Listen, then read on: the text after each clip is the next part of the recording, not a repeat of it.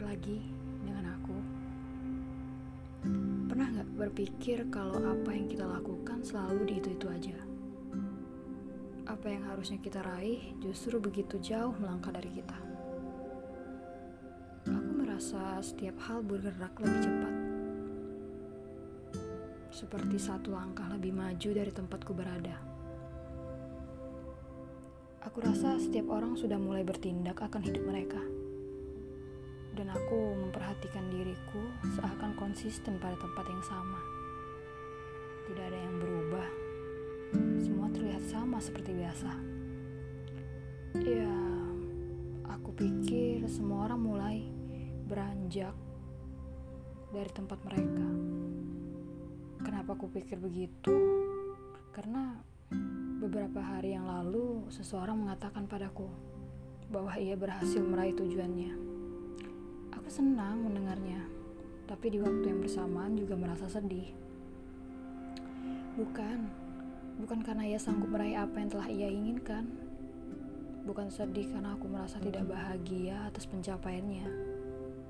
Melainkan sedih karena aku belum pergi ke mana-mana. Aku belum memutuskan apa pun dalam hidupku. Keputusan yang orang lain pernah melakukannya. Keputusan yang mereka sebut dengan keputusan besar. Namun, di sisi lain pikiranku seolah mengajak berbincang. Ia yang selama ini berkompromi sekaligus menyembuhkanku. Ia mengatakan bahwa bahagiamu ya bahagiamu, tidak sama dengan mereka yang kau cemburukan. Jangan memandang terlalu tinggi, nanti kau lupa bagaimana membumi. Karena langit tidak hanya langit, banyak langkah dan perjalanan menuju langit yang tertinggi. Masih harus terbang lagi. Dengan begitu, kau tidak akan pernah berhenti akan rasa cukup. Kau akan terus terbang tinggi dan semakin tinggi. Ingat, semua orang punya sayapnya masing-masing dan punya takdirnya untuk patah berkali-kali atau sekali. Lalu, bagaimana dengan takdir? Jangan tanya bagaimana takdir berjalan, karena aku tidak mengerti.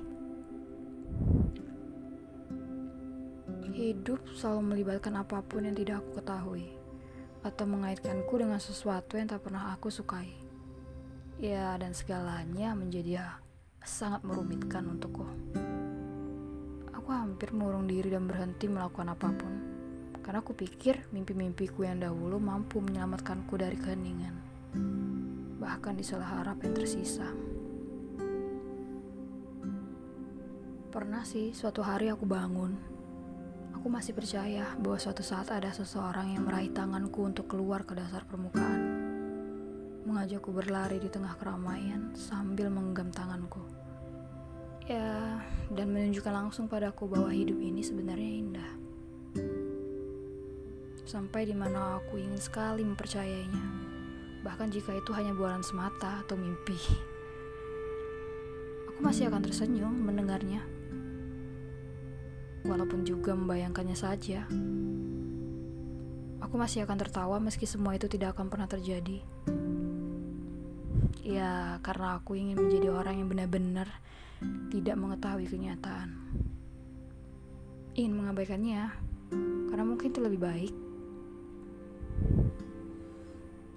Bagaimana dengan kalian? Apa kalian pernah risau dengan pertanyaan yang kerap kali dihujam oleh diri sendiri? Sini-sini, ku beritahu bagaimana menjawabnya. Kau hanya perlu bersikap abai pada penolakan yang terus-menerus. Berusahalah acuh tak acuh pada apa-apa yang akan membuatmu tenggelam lebih jauh. Jangan menyakiti diri sendiri dengan memaksa telinga mendengar yang tidak sama sekali ingin kau dengar.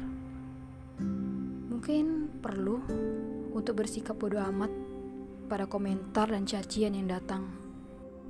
Suruh pikiran berhenti menanggapi dan membalas komentar tak penting.